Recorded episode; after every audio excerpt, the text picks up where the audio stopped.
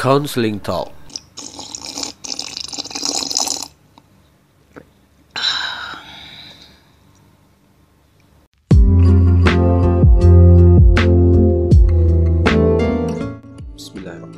Assalamualaikum warahmatullahi wabarakatuh. Apa kabar kawan-kawan pendengar semuanya? Bagaimana satu sahurnya tadi? Semoga nikmat ya. Dan mudah-mudahan apa yang kita upayakan pada awal Ramadan ini Menjadi nilai ibadah yang berlipat ganda di sisi Allah. Amin ya rabbal alamin. Kemudian salawat berat salam Mari kita kirimkan kepada Nabiullah Muhammad Sallallahu Alaihi Wasallam. Karena beliau telah membimbing kita sebagai umatnya dari alam kebodohan, dalam alam kegelapan, ke alam yang terang benderang seperti yang dikatakan oleh uh, salah satu pejuang nasional kita, Karen Ajeng Kartini, habis gelap terbitlah terang ya, yang terinspirasi dari salah satu surah di Al-Quran, yaitu Minaz Zulumati Nur. Semoga kita termasuk umat beliau yang mendapatkan syafaat di yaumil akhir kelak. Amin ya rabbal alamin. Oke, uh, pada podcast yang kedua ini atau episode kedua ini kita akan mulai membahas topik inti dari rangkaian episode podcast Counseling Talk ke depannya. Seperti yang telah kami sampaikan pada podcast sebelumnya, untuk podcast episode 2 ini kita akan membahas tentang core isunya, isu inti.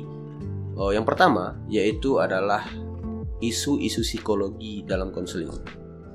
Sedikit saya pancing uh, pada podcast sebelumnya kita membahas isu-isu ini berdasarkan uh, pendapat dari Glance dalam bukunya Guidance Foundation yang diterbitkan sekitar tahun 1970-an. Nah, sebenarnya kalau kita bahas psikologi ini secara mendalam, tentu tidak akan ada habisnya ya. Tidak akan cukup waktu kita untuk membahasnya karena yang pertama, landasan teori yang sifatnya aplikatif dalam konseling itu semuanya teori psikologi. Baik itu teori oh, psikoanalisis, analisis tentang id, ego, super ego, kemudian juga teori tentang kognitif, dan juga behavioris dan juga oh, teori-teori lainnya itu semua teori psikologi. Dan itu nanti diadaptasi oleh dunia konseling digunakan sebagai praktik konseling pada umumnya. Nah, uh, ada sangat banyak teori yang berkembang di dunia psikologi sebenarnya. Bahkan uh, kita tahu bahwa setiap cabang kajian psikologi itu uh, memiliki kekhusus kekhususan kekhususan dalam bidangnya masing-masing. Nah, bahkan kalau kita lihat ya, setiap orang-orang ahli psikologi itu itu pasti merupakan seorang murid dari guru ahli psikologi juga. Tidak ada kita melihat seorang ahli psikologi yang lahir langsung tanpa memiliki guru. Sehingga dari teori-teori yang berkembang di dunia psikologi itu sebuah keniscayaan adanya kontra dan juga adanya pro antara guru dan muridnya. Nah, uh, Eric Fromm dalam bukunya yang berjudul Being Human mengatakan bahwa dunia atau ilmu jiwa ini sangat amat teramat besar. Bahkan teramat besar untuk psikologi itu sendiri. Ini menandai bahwa bahwa ternyata dunia psikologi itu sangat luas, sangat luas. Bahkan e, kalau kita lihat ya, bagaimana Eric Fromm itu, Eric Fromm itu kan salah satu muridnya Freud.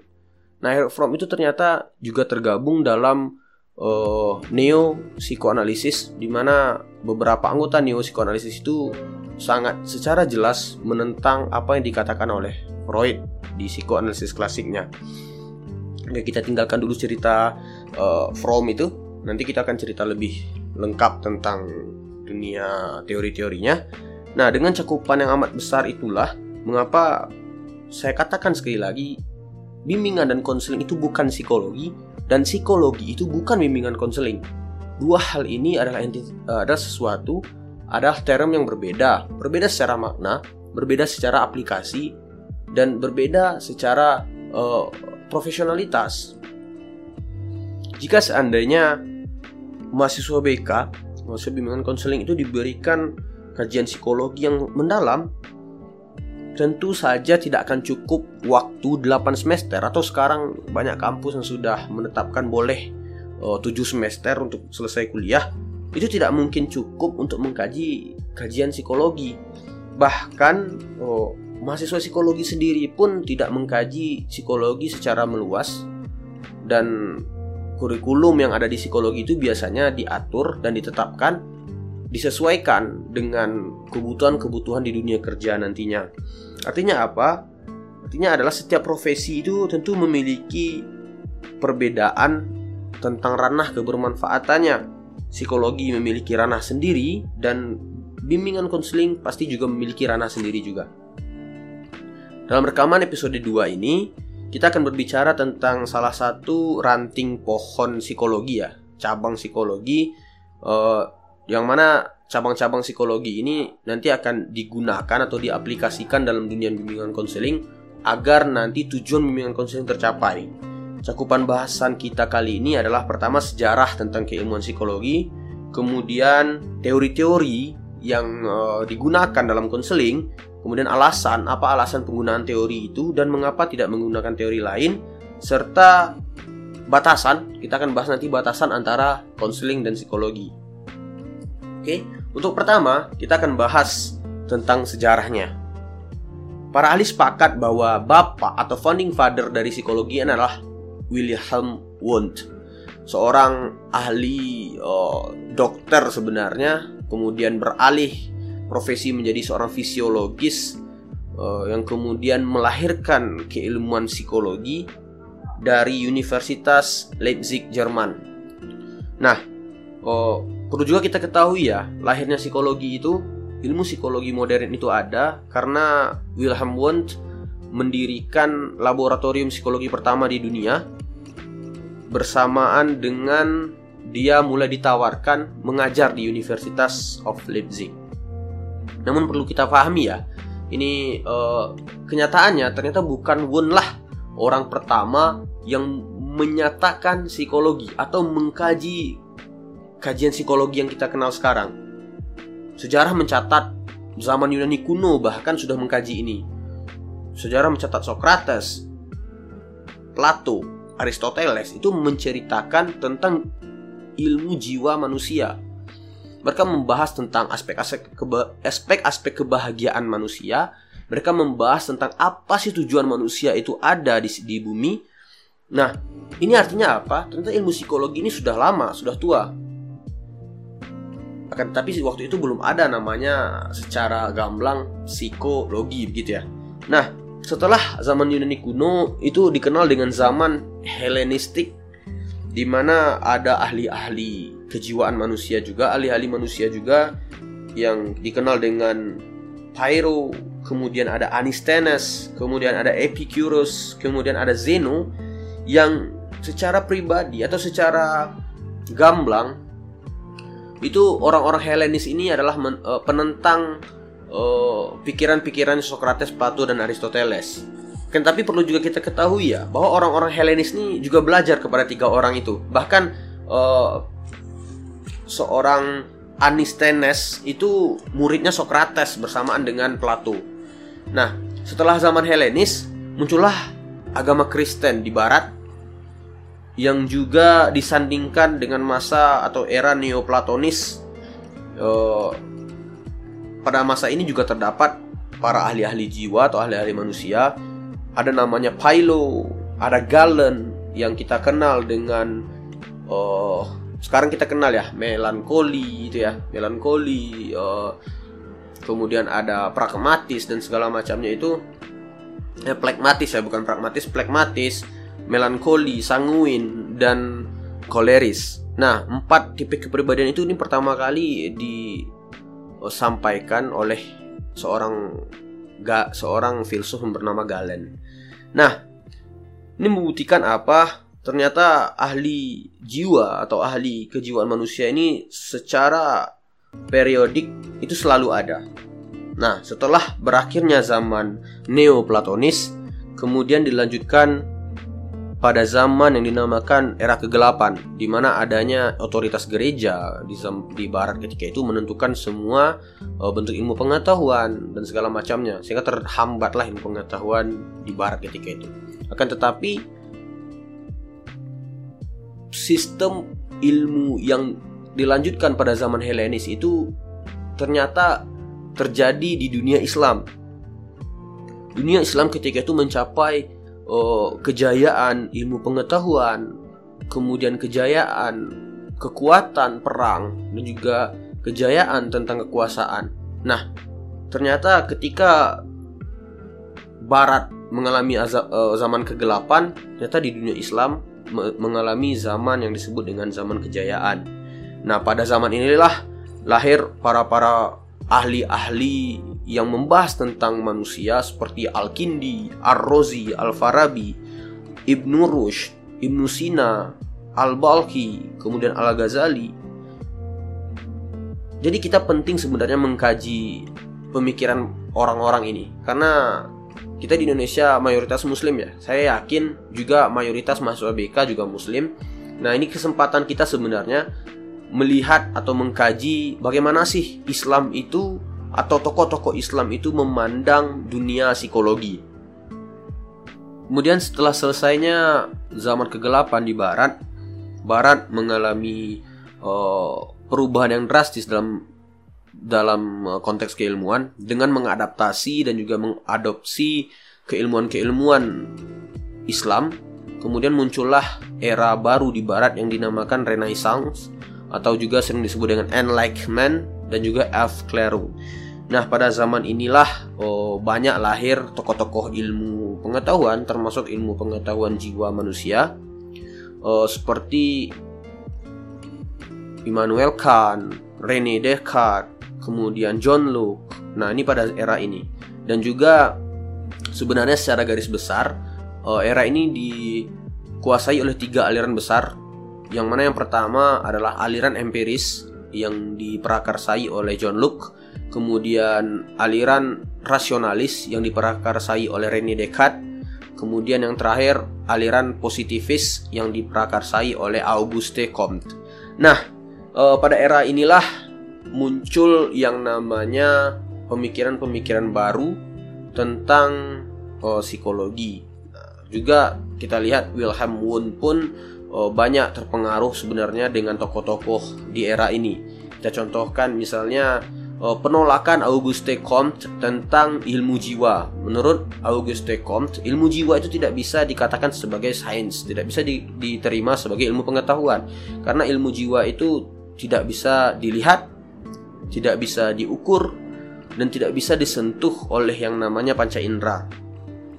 Nah, ternyata Wilhelm Wundt memiliki keinginan untuk merubah paradigma itu sehingga Wilhelm Wundt melahirkan yang namanya psikologi. Namun perlu juga kita pahami ya bahwa Wilhelm Wundt itu bukan bekerja sendiri. Tadi saya katakan di awal bahwa setiap ahli psikologi itu pasti merupakan murid dari ahli uh, psikologi.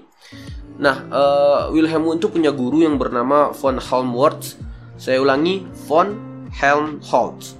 Nah, dia juga seorang uh, dokter ya, tepatnya sebenarnya dokter mata, namun mengkaji tentang fisiologi dan juga mengajarkan Wilhelm Wundt tentang kajian-kajian atau riset terhadap manusia. Nah, hasil riset Wilhelm Wundt itu mulai terasa ketika Wilhelm Wundt menemukan sebuah uh, sisi lain, bukan sisi lainnya, sebuah aspek yang ada pada diri manusia, uh, yang aspek yang ada pada jiwa manusia yang bisa diukur. Menurut Wilhelm Wundt itu adalah consciousness atau kesadaran. Nah nanti kita akan cerita juga bagaimana uh, riset uh, Wilhelm Wundt tentang ini, tentang kesadaran ini sehingga teori kesadaran ini dimunculkan. Nah, atas dasar penelitian atau riset Wilhelm Wundt inilah makanya psikologi itu diterima sebagai ilmu pengetahuan karena Wilhelm Wundt membuktikan bahwa kesadaran manusia itu bisa diukur. Dan sekarang buktinya sampai sekarang ya, psikologi itu tetap merupakan ilmu pengetahuan atau sains. Dulunya psikologi itu dianggap sebagai metafisik sesuatu yang tidak bisa dilihat sehingga tidak penting dikaji menurut beberapa ahli sains. Oke, itu sedikit sejarah tentang uh, psikologi. Selanjutnya kita akan mulai pada teori-teori psikologi yang digunakan dalam dunia konseling. Yang pertama kita akan bahas uh, Sigmund Freud. Namun sebelum kita bahas lebih mendalam tentang Sigmund Freud, uh, kita harus paham dulu uh, bagaimana cara mengadopsi bagaimana prosedur hal-hal apa saja yang diadopsi dari ilmu atau dari keilmuan psikologi kepada uh, keilmuan BK atau keilmuan konseling. Menurut Hansen itu ada empat aspek yang harus diadopsi dari keilmuan psikologi ke keilmuan BK atau oleh keilmuan BK. Yang pertama itu adalah uh, perubahan tingkah lakunya. Perubahan tingkah laku. Kemudian yang kedua, perkembangan manusianya atau perkembangan individunya. Yang ketiga adalah tujuan dari pelaksanaan konseling dan yang keempat adalah peran dari konselor dalam proses konselingnya. Oke, yang empat ini akan kita analisis satu persatu dari uh, kurang lebih sekitar 10 atau 11 macam pendekatan yang nantinya akan kita bahas. Oke, mari kita lanjutkan untuk Freud. Oke, nama teori Freud ini psikoanalisis. Sebenarnya uh, Freud mem membahasakannya dengan nama psikoanalisis, akan tetapi setelah berkembangnya zaman, kemudian lahir pula neo psikoanalisis uh, dan juga orang mulai membedakan antara neo psikoanalisis dan psikoanalisis sehingga disebutlah psikoanalisisnya Freud ini namanya psikoanalisis klasik. Jadi nama psikoanalisis klasik ini baru-baru ini baru ada. Oke, uh, untuk membahas empat aspek tadi dalam keilmuan Freud, Eh, kita juga harus paham dulu ya bahwa di setiap teori itu juga ada yang namanya struktur kepribadian dan ini mesti kita pahami dulu sebelum kita bahas yang empat tadi.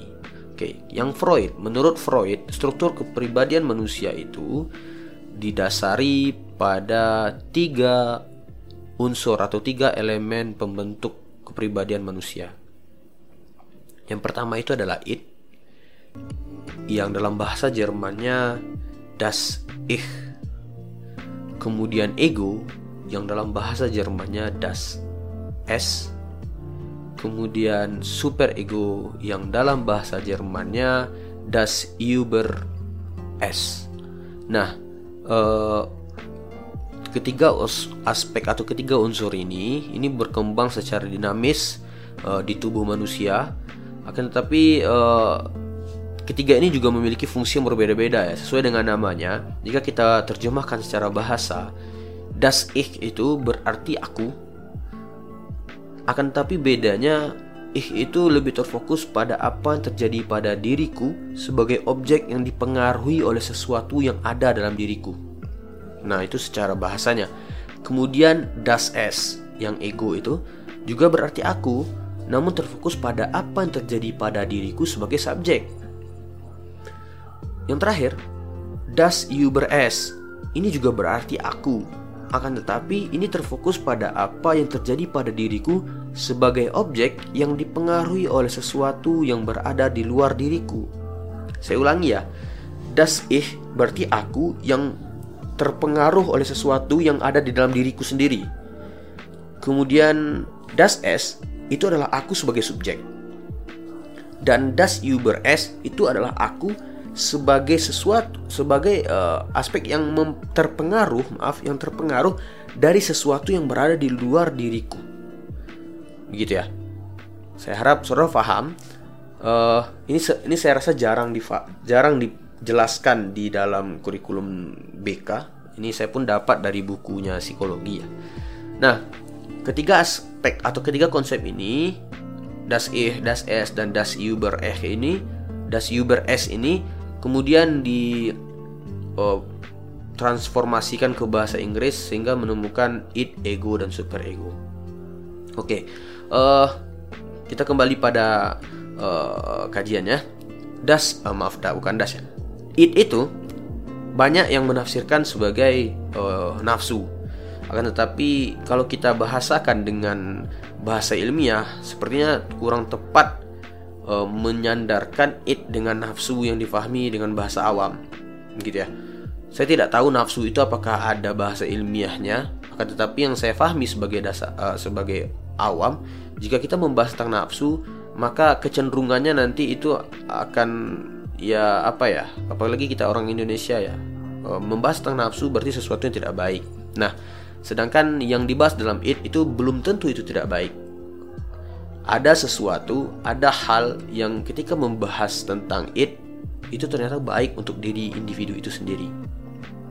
Nah, uh, it itu dalam bukunya Hansen itu dikatakan bahwa it itu adalah uh, sensasi atau hal yang ada berbarengan dengan lahirnya seorang manusia ke bumi dari rahim ibunya. Jadi it itu kita bawa dari kecil, dari bayi. Nah, dalam proses kita membawa it itu kita langsung mengaplikasikannya it mengaplikasikan it saat setelah keluar dari rahim orang tua kita menurut Freud ya. Buktinya apa? Itu dengan tangisan. Tangisan itu merupakan bentuk dari dorongan it yang ada pada diri kita. Nah, dengan adanya dorongan it itu, menangis kemudian diterjemahkan oleh bahasa orang tua perlu dihangatkan, perlu dipeluk, kemudian orang tua kita atau ibu kita menyusuinya, menyusui kita. Nah, ketika adanya uh, pemenuhan atau pemuasan melalui air susu ibu tadi, maka si anak itu diam, mengalami yang namanya kesenangan. Sehingga it tadi terpuaskan. Nah, ini berkembang terus uh, terus-menerus berkembang pada diri manusia.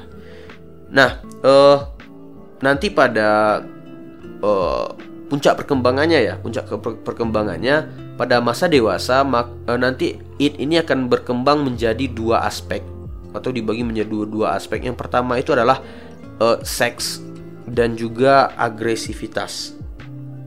Nah, uh, tapi ini yang yang buruknya ya. Namun uh, Freud juga menjelaskan adanya keinginan untuk makan, keinginan untuk minum ya. Nah, itu juga merupakan bagian dari it dan itu penting. Juga Freud membahasakan it ini dengan prinsip dasar dari kenikmatan. Jadi tanpa it maka orang itu tidak akan bisa merasakan yang namanya kenikmatan. Nah, itu untuk it. Kemudian yang kedua, biasanya kalau di buku-buku pendekatan itu, pendekatan konseling itu yang kedua kita bahas ego ya. Tapi saya rasa yang lebih tepatnya kita bahas super ego dulu. Karena ego itu sebagai aktornya. Nah, kemudian ada super ego. Tadi it kita bahas sesuatu yang uh, ada di dalam diri manusia kemudian mendorong manusia itu untuk bertindak. Nah, sedangkan super ego itu sesuatu yang ada di luar diri manusia. Itu bedanya. Jadi antara it dan ego itu, eh maaf antara it dan super ego itu e, merupakan sesuatu yang e, berseberangan, begitu ya, berseberangan. Nah, e, berkenaan dengan super ego, ini banyak penjelasan yang e, saya rasa apa ya berkembang, akan tetapi seakan-akan berkembangnya itu terlalu luas. Sehingga tidak kita tidak dapat mengambil esensi atau mengambil uh, intisari dari apa yang disampaikan oleh Freud sendiri gitu.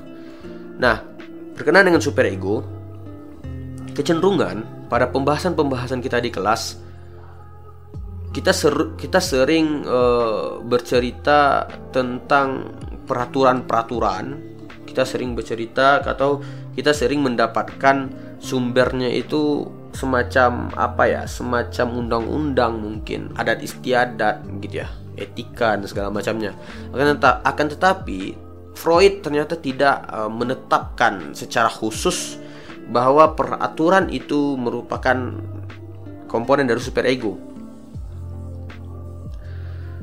kalau sekiranya peraturan itu adalah komponen dari superego maka superego tidak itu tidak dari diri manusia.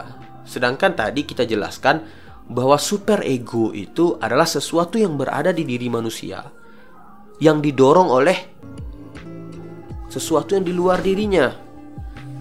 Jadi superego itu bukan peraturan. Akan tetapi bisa jadi ketika adanya peraturan maka superego itu ada begitu. Dalam penjelasannya Freud mengatakan bahwa unsur superego itu ada, itu hadir ketika anak-anak mulai dilarang atau mulai dijelaskan tentang peraturan-peraturan.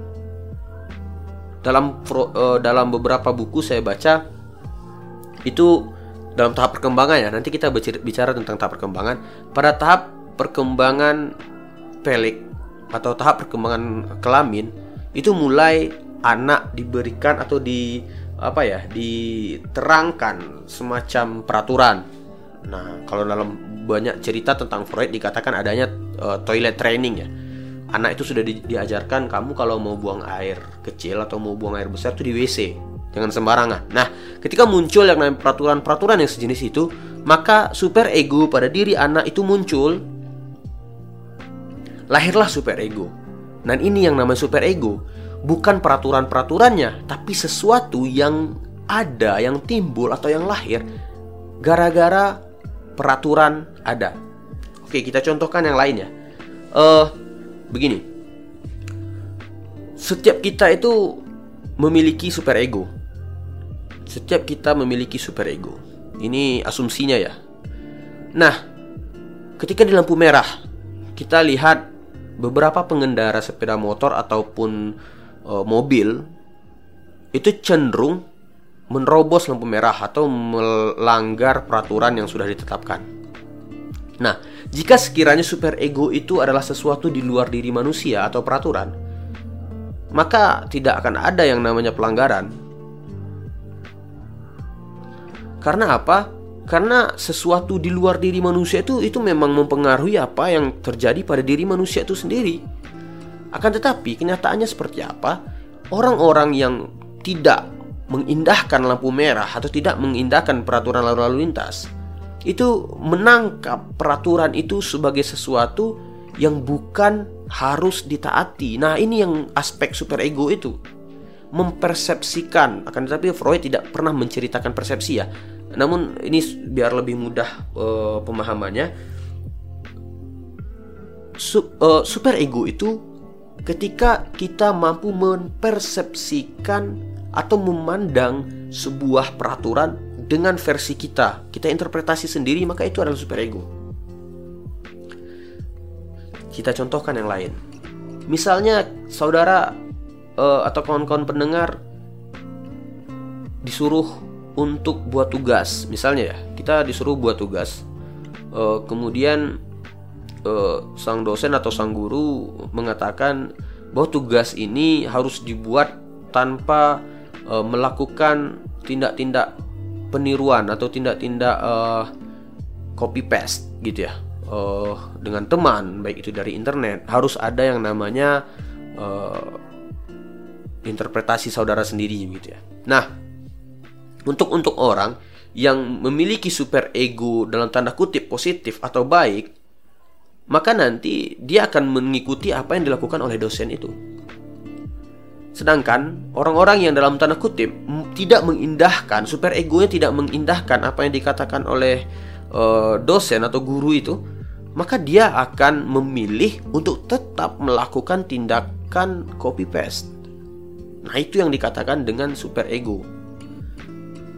Kita kembali pada cerita anak-anak tadi. Anak-anak yang diajarkan atau diberikan terapi uh, toilet training itu, ketika super egonya menangkap dengan positif, maka dia nanti akan buang air ke, ke kamar mandi ya, ke WC. Akan tetapi ada juga anak-anak yang sering ngompol, bahkan sudah kelas 4 SD, 5 SD, 6 SD masih sering ngompol, masih sering uh, kencing di atas kasur Nah, itu bentuk dari ketidakbermanfaatannya atau ketidakefektifannya penafsiran super ego. Nah, itu untuk super ego ya. Itu kita perlu kita pahami betul. Jadi sekali lagi saya katakan super ego itu bukan peraturan, tapi interpretasi manusia terhadap peraturan. Oke. Lanjut untuk ego. Nah, ini. Tadi saya katakan ego itu menjelaskan atau apa ya? E, merupakan sesuatu yang menunjukkan bahwa manusia itu sebagai aktornya, bahwa dia sebagai penindaknya, dia sebagai subjek. Nah, menurut Freud, oh, ego ini lahir kedua setelah id.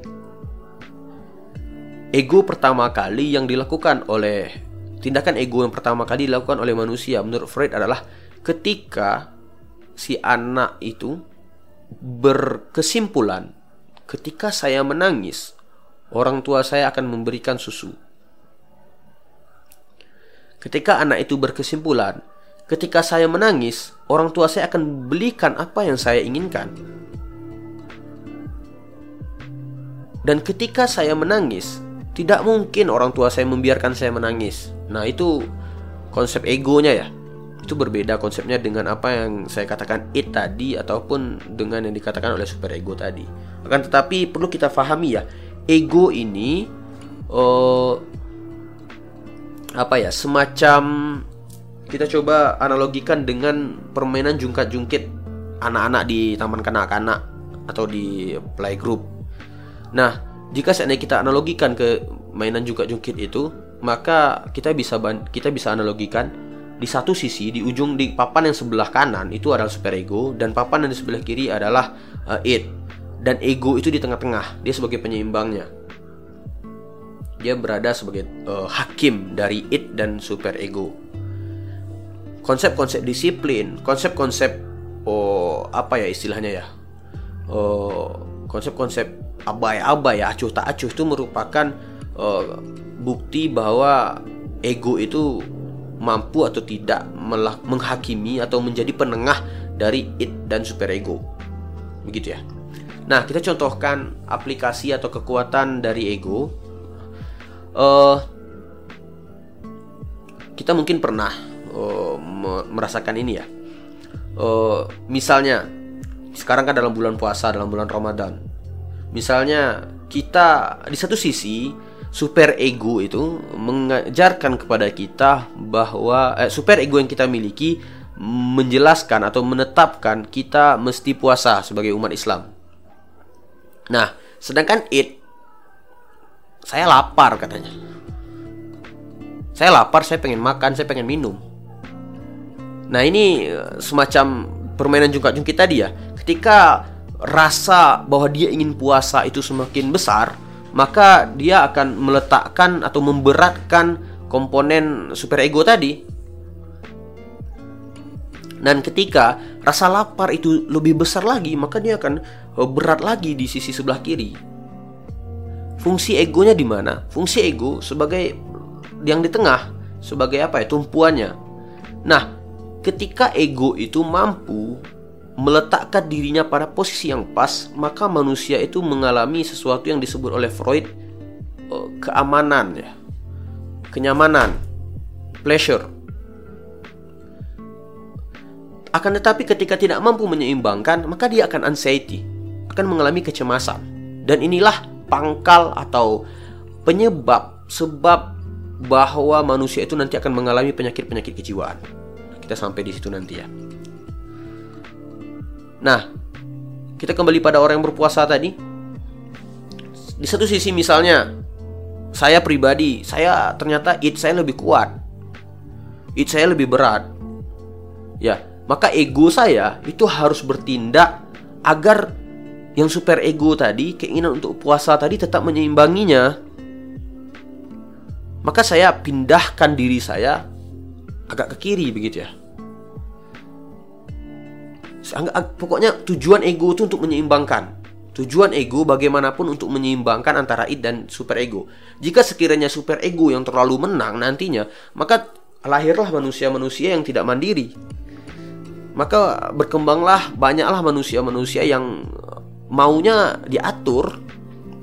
Nah, ketika id yang berkembang, maka lahirlah manusia-manusia yang tidak mau akan tidak akan patuh terhadap peraturan pembangkang dan segala macamnya, tentu ini tidak bagus.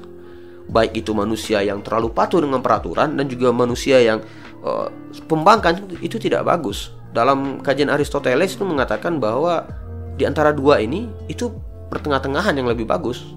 Nah, dan juga perlu di, dijelaskan juga ya bahwa Sigmund Freud juga terpengaruh dengan pemikirannya Aristoteles. Jadi menurut Freud, keseimbangan itulah yang harus dicari oleh manusia dan ego merupakan hakim merupakan aktor agar antara it dan super ego itu mampu seimbang. Begitu oh, untuk it, ego dan super ego. Oke, selanjutnya kita mulai pada uh, perkembangan manusianya. Dalam teori psikoanalisis itu ada sangat terkenal ya uh, pokok pikiran yang berkenaan dengan perkembangan manusia. Uh, kita mulai dari tahapan pertama, yaitu tahapan yang dinamakan dengan oral phase atau tahapan oral. Ini dimulai dari manusia itu baru lahir hingga perkiraannya sampai usia 2 tahun. Organ tubuh yang menjadi sumber dalam uh, pemuasan kenikmatan itu adalah biasanya mulut, lidah dan bibir. Intinya segala sesuatu yang uh, dirasakan pada mulutnya atau oral. Nah, kita lihat pada anak bayi biasanya apa? Mengisap ya, mengemut tangannya di emutnya, kemudian uh, sangat membutuhkan uh, air susu ibunya. Nah, ini menjadi kebiasaan atau menjadi pemuasan uh, akan bagi anak-anak di usia atau di tahapan oral stage. Nah, di oral stage atau oral phase ini uh, it itu sangat mendominasi perkembangan. Ya, it sangat mendominasi perkembangan. Kemudian pada tahap kedua namanya tahap anal yang mana kira-kira usia 2 tahun hingga usia 3 tahun. Nah, uh, anal tak mungkin saudara, mungkin kawan-kawan pendengar paham ya, anal itu wilayah di sekitar uh, anus ya. Kita melihat anak-anak di usia ini menurut Freud itu merasakan kenikmatan pada wilayah sekitar anus. Bertambah ya dari uh, di mulut tadi bukan berarti hilang akan tetapi bertambah ke wilayah anus. Akan uh, dan lebih didominasi lebih didominasi oleh wilayah anus. Uh, nah pada wila pada saat ini mulai nanti dibiasakan dengan yang namanya toilet training Ya di usia 3 tahun ah, menjelang 3 tahun biasanya anak-anak sudah mulai diajarkan jika ingin buang air besar silahkan uh, ke kamar mandi atau ke WC begitu. Kemudian tahap ketiga itu uh, pelic stage atau pelic phase. Pelic ini berarti kelamin. Uh, ini biasanya kalau menurut Freud ada kejadian oh, fenomena langka eh, bukan fenomena langka ya ada fenomena kejadiannya itu Oedipus kompleks dan Elektra kompleks atau castraction. Uh, ditunjukkan dengan munculnya rasa cemburu dari anak laki-laki misalnya kepada ayahnya. Dia merasa dialah yang harus mencintai ibunya begitu dan dia merasa cemburu terhadap ayahnya. Juga fenomena ini terjadi pada perempuan yang mencintai ayahnya dan cemburu kepada ibunya. Nah, ini didasarkan nama Oedipus ini didasarkan pada mitologi Yunani di mana Oedipus ini adalah seorang raja yang menikahi ibunya dan membunuh ayahnya. Ini pikiran pokok-pokok pikiran Freud tentang uh, Pelic stage. Nah, di Pelic stage itu juga uh, di, dikuasai uh, oleh it akan tetapi karena adanya toilet training pada tahap sebelumnya, maka super ego, aspek-aspek super ego atau aspek-aspek morality itu sudah mulai dirasakan, sudah mulai masuk kepada uh, si anak begitu. Nah, kemudian tahap keempat itu latensi. Tahap latensi ini biasanya dari usia 6 tahun sampai usia 12 tahun. Itu perkiraannya ya.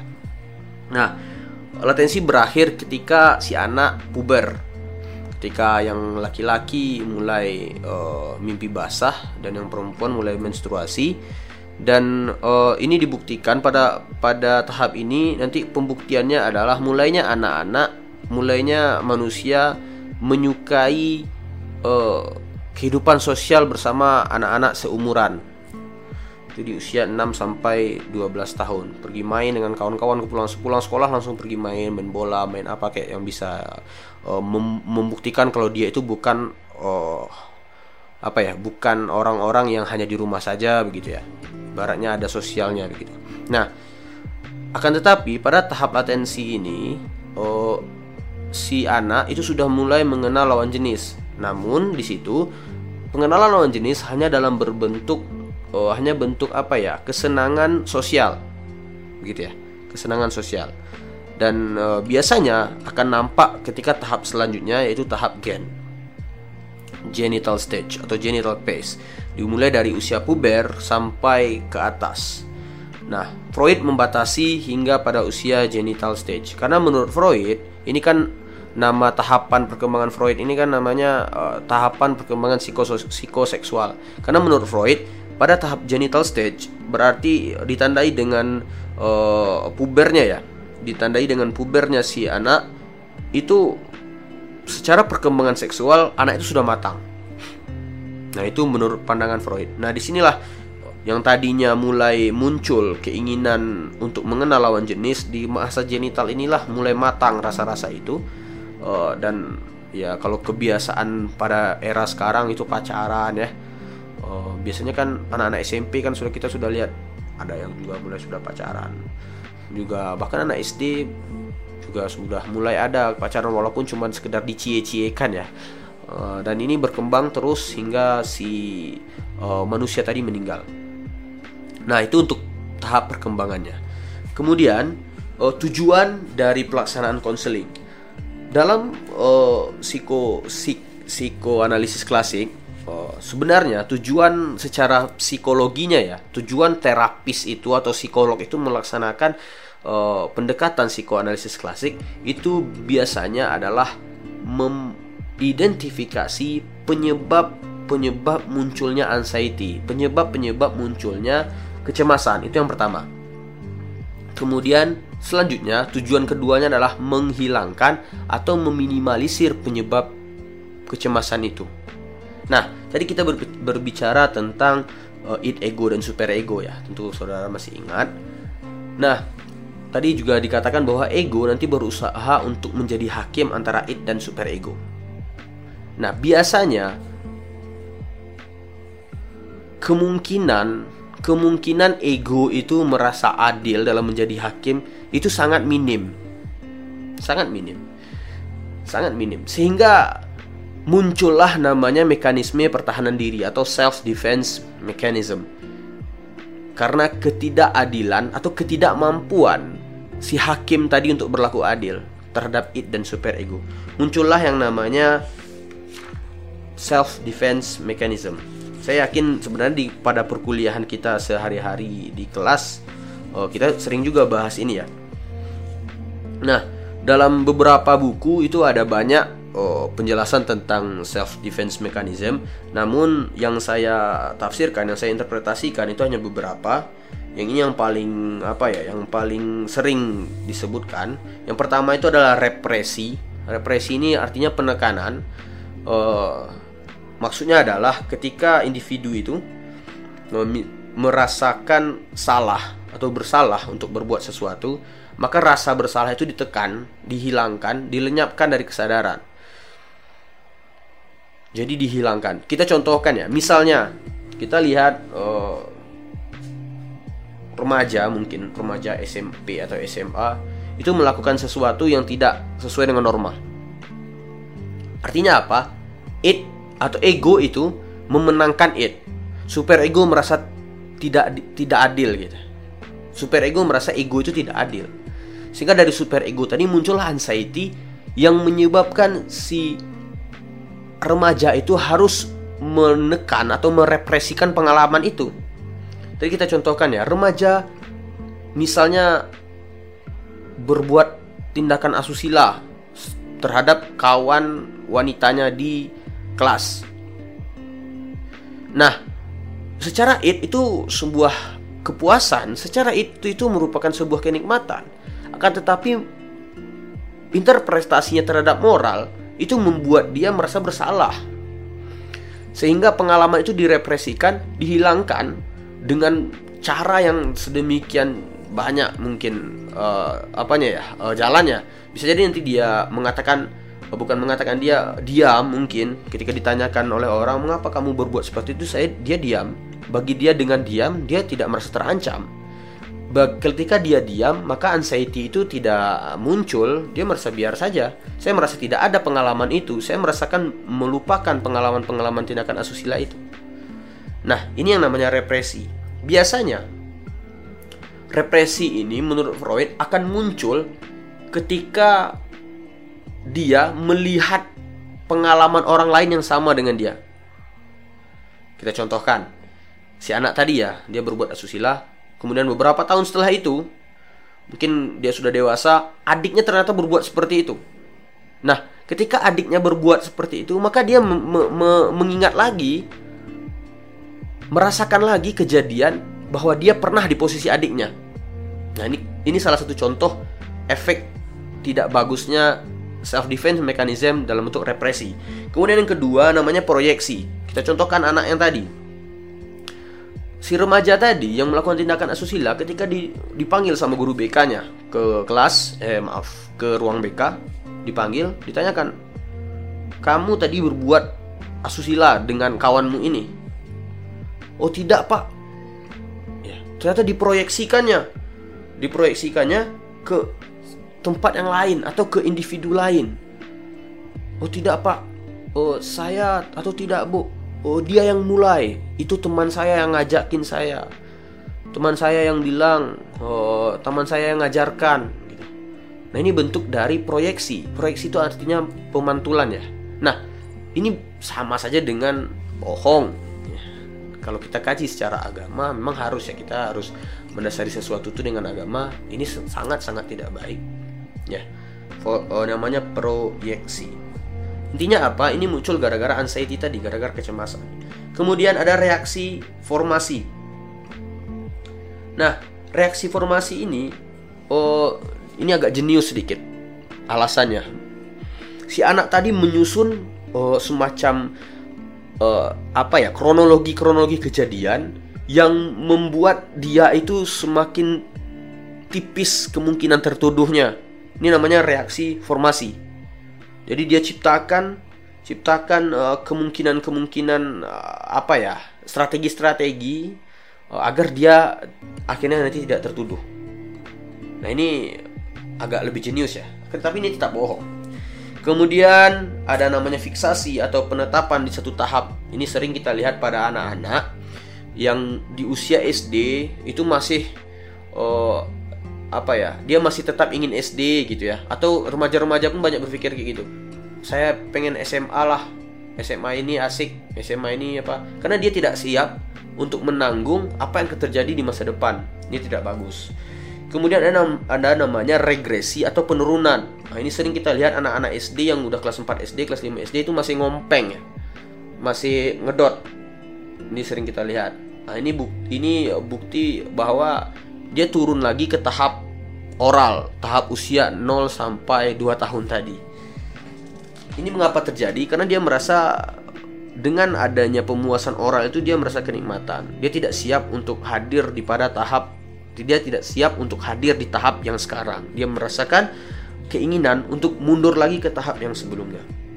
Nah, itu beberapa uh, self defense mechanism atau mekanisme pertahanan diri yang paling sering kita lihat dan juga banyak buku-buku yang menceritakan ini. Nah, uh, tapi intinya apa? Intinya uh, berkenaan dengan self defense mechanism ini, ini dalam menurut Freud ini menjadi pelajaran hidup, menjadi uh, pemandirian hidup agar si individu itu, agar si manusia itu menjadi sadar bahwa self defense mechanism itu hanya akan memberatkan dia sehingga kedewasaan ego untuk menjadi hakim yang adil terhadap id dan super ego itu mesti dimiliki oleh manusia-manusia yang dalam tanda kutip menurut Freud itu sempurna.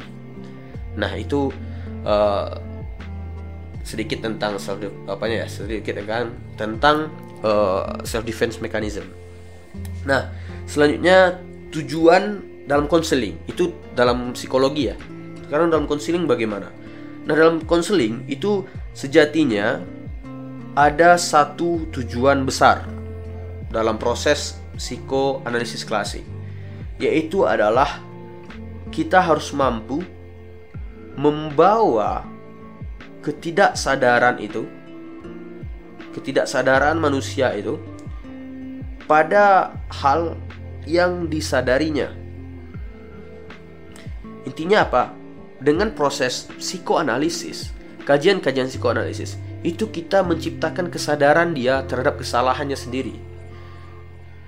Seandainya kita bertemu dengan siswa atau dengan murid atau dengan kawan-kawan yang tidak sadar dengan apa yang dilakukannya, dalam artian dengan analisis psikoanalisis ya, eh, dalam analisisnya teori Freud, maka tujuan konseling yang utama itu adalah membuat dia sadar.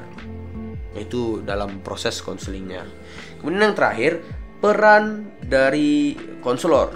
Nah, peran konselor sebenarnya sama ya dengan saya rasa nanti dengan teori lain juga akan tidak akan jauh berbeda. Intinya eh, konselor adalah fasilitator dalam uh, menyehatkan mental dari uh, si klien atau klien atau konseli bahasa lainnya akan tetapi kita juga per perlu fahami ya dalam teori Sigmund Freud sebenarnya ada banyak teknik-teknik pelaksanaan terapi namun hanya ada beberapa yang diadopsi oleh uh, konselor atau diadopsi oleh dunia konseling dengan ya saya yakin ini yang mengadopsinya para ahli ya sehingga tidak ada kita tidak temukan kecacatan di dalamnya. Mungkin ada tapi itu sangat minim. Yang pertama, yang pertama adalah asosiasi bebas. Yang kedua interpretasi dan yang ketiga adalah transference. Nah, istilah itu sering kita dengar ya. Free asosiasi atau asosiasi bebas ketika dalam proses konseling kita menanyakan dengan kalimat-kalimat terbuka, dengan pertanyaan-pertanyaan terbuka. Itu free asosiasi namanya. Tidak menggunakan mengapa, apakah, di manakah, gitu ya. Itu kita sering saya rasa belajarnya di teknik labor itu kalau tidak salah. Kemudian ada namanya interpretasi. Nah, interpretasi berarti apa? Kita mencoba membantu si klien atau klien atau konseli untuk sadar. Kita bantu dia menginterpretasikan kejadian. Ketika dia menceritakan masalah dia dengan orang tuanya, kita bantu dia menginterpretasikan. Karena dari sekian banyak ceritanya dalam proses konseling itu, wawancara konseling itu, sekian banyak ceritanya, saya yakin dia tidak akan sadar yang mana merupakan garis besar cerita, yang mana bunga-bunga cerita, yang mana memang itu yang dia rasakan. Jadi dengan interpretasi, si klien atau si konseli atau si uh, klien itu sadar bahwa oh iya ya, saya juga saya merasakan loh apa yang Bapak rasakan itu, apa yang Bapak katakan itu sehingga interpretasi itu kita bantu. Kita bantu dia menginterpretatifkannya. Kemudian yang ketiga itu transference. Nah, uh, transferen ini sedikit kompleks ya. Karena Freud pun sejatinya eh, mengatakan transferen ini adalah kekurangan uh, dalam tekniknya, dalam pendekatannya. Karena bagi Freud transferen itu membuktikan bahwa si konselor atau si terapis itu lemah dalam proses terapis ya dalam proses konseling. Mengapa di, di, dikatakan seperti itu? Dalam sejarahnya, dalam sejarah perkembangan ilmu Freud, Freud itu menertawakan gurunya, saya nggak ingat namanya, uh, Karl Karl Kott kalau nggak salah, guru hipnoterapinya. Uh, Sigmund Freud menertawakan Karl Kott dalam sebuah artikelnya yang mengatakan bahwa terapis uh, hipnosis itu lemah karena Kalkot nanti ujung-ujungnya jatuh cinta kepada kliennya. Nah, akan tetapi kata Freud di teo, di uh, pendekatan dia ini juga akan terjadi seperti itu karena intensnya pertemuan. Nah, di konseling kita gunakan ini. Kita gunakan yang namanya uh, transference ini. Akan tetapi maknanya diperkecil lagi, diperfokuskan lagi daripada makna yang dijelaskan oleh Freud. Nah, makna transference dalam konseling adalah bagaimana kita sebagai konselor itu merasakan apa yang dirasakan oleh klien. Kita berempati dengan si klien, dengan si konseli atau dengan si klien.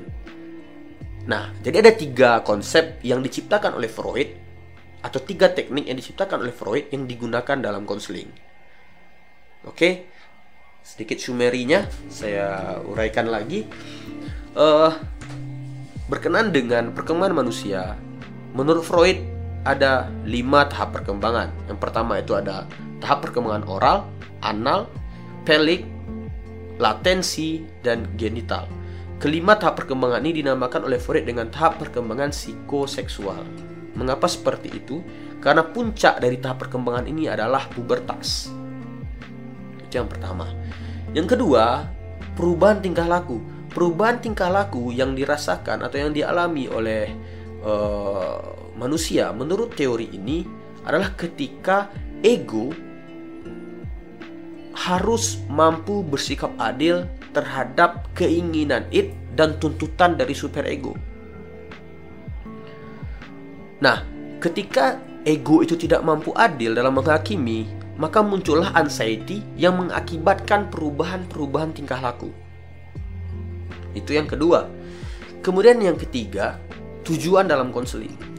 Tujuan dalam konseling dengan teori ini, dengan pendekatan ini adalah memunculkan memunculkan kesadaran individu terhadap kesalahan atau terhadap gejala-gejala sakit mentalnya si klien atau si manus atau si uh, klien atau si uh, itu yang awalnya berada pada konsep ketidaksadaran atau consciousness ke konsep kesadaran. Itu yang ketiga atau tujuan dalam konseling. Kemudian yang keempat, peran konselor. Peran konselor di sini ada tiga. Melalui tiga teknik oh, yang dikemukakan oleh Freud, yang pertama itu adalah konselor harus mampu berperan sebagai orang yang mengaplikasikan asosiasi bebas atau dalam praktik konseling itu dengan pertanyaan-pertanyaan terbuka. Kemudian yang kedua itu interpretasi. Interpretasi harus mampu diperani, diperankan oleh konselor dengan menyimpulkan atau memberikan uh, pandangan yang aslinya itu sebenarnya pandangannya si klien atau si konseli akan tetapi itu seakan-akan diceritakan melalui pemikiran dari si konselor kita simpulkan apa yang disampaikan oleh si klien itu itu yang itu yang kedua. Kemudian yang terakhir itu metode transference atau teknik transferen bahasa lainnya empati. Karena transferen yang dijelaskan oleh oleh Freud itu terlalu luas cakupannya kita ambil yang kecilnya dalam konseling yang namanya empati. Jadi kita harus mampu berempati terhadap klien terhadap konseli atau terhadap klien kita. Nah, itulah penjelasan dalam episode pertama atau episode kedua ini tentang isu psikologi yang menjadi isu klasik pertama yang kita bahas dan yang kita kecilkan lagi itu adalah pembahasan tentang teori psikoanalisis klasik yang dikemukakan oleh Sigmund Freud. Ya, Sigmund Freud ini orang Moravia oh, sekarang namanya Austria. Nah, juga penting kita uh, jelaskan ya untuk oh, pendekatan-pendekatan uh, yang biasanya atau secara normal digunakan dalam uh, pendekatan konseling itu sebenarnya ada 11. Namun uh, beberapa kampus itu biasanya 12 ya. Yang yang ke-12 itu biasanya pendekatan-pendekatan dalam negeri yang nanti disesuaikan oleh kampusnya masing-masing. Kalau di UNP itu oh, pendekatannya propraino dan kalau di kampus-kampus lain saya rasa nanti menyesuaikan. Akan tetapi ada 11 pendekatan yang uh, tidak akan pernah uh, saya rasa pasti akan tetap kita bahas gitu ya. Yang pertama ini yang Sigmund Freud psikoanalisis klasik. Yang kedua uh, Erik Erikson oh, atau bahasa lainnya apa ya? Ego counseling kalau tidak salah ya ego counseling. Kemudian yang kedua psikologi individualnya Advel Adler. Yang ketiga psikologi individualnya Advel Adler. Kemudian yang keempat uh, Gustav Young dengan neo psikoanalisisnya. Kemudian analisis transaksional yang dikemukakan kemukakan oleh Eric Berne. Kemudian uh, psikologi Gestalt. Uh, Kafka ya, Kafka dan kawan-kawan. Kemudian behavioral John Watson, Ivan Pavlov dan segala macamnya kemudian uh, rasional yang dikemukakan oleh uh, Albert Ellis ya. Ada dua itu ada realita ada realita terapi juga ada rasional emotif dan nanti dikembangkan lagi menjadi rasional emotif behavior dan segala macamnya. Kemudian yang terakhir ada pendekatan humanistik yang dikemukakan oleh Carl Ransom Roger. Nah sampai di sini dulu apa yang kita bahas pada episode kedua ini. Uh, saya rasa jika pun nanti terdapat perbedaan pendapat antara kita kita bisa diskusikan karena memang pada dasarnya kita ini belajar ya. Saya belajar saya pun untuk merekam ini saya baca buku juga. Uh, dan juga kawan-kawan pun juga belajar. Intinya di, sini saya ulangi episode pertama kemarin kita sharing. Dan saya juga berharap sangat berharap adanya diskusi setelah ini. Nah, kemudian yang kedua, jika pun nanti ada kawan kawan-kawan yang memiliki pandangan berbeda, silakan dikontak secara pribadi boleh atau dengan uh, Imapkin PW1 juga boleh ya. Uh, dan seandainya ada kesalahan yang saya lakukan, saya mohon maaf dan jika pun ada yang benar maka itu berasal dari Allah Subhanahu wa taala. Uh, saya tutup uh, diskusi kita hari ini dengan doa kafaratul majelis. Subhanakallahumma wa bihamdika asyhadu an la ilaha anta astaghfiruka wa atubu ilaih. Demikian ingat kalau seandainya apa yang saya sampaikan ini berguna silahkan share bagikan kepada kawan-kawannya. Uh, dan juga satu hal lagi kita selalu mendoakan agar profesi kita profesi konseling selalu jaya. Jayalah konseling. Terima kasih. Assalamualaikum warahmatullahi wabarakatuh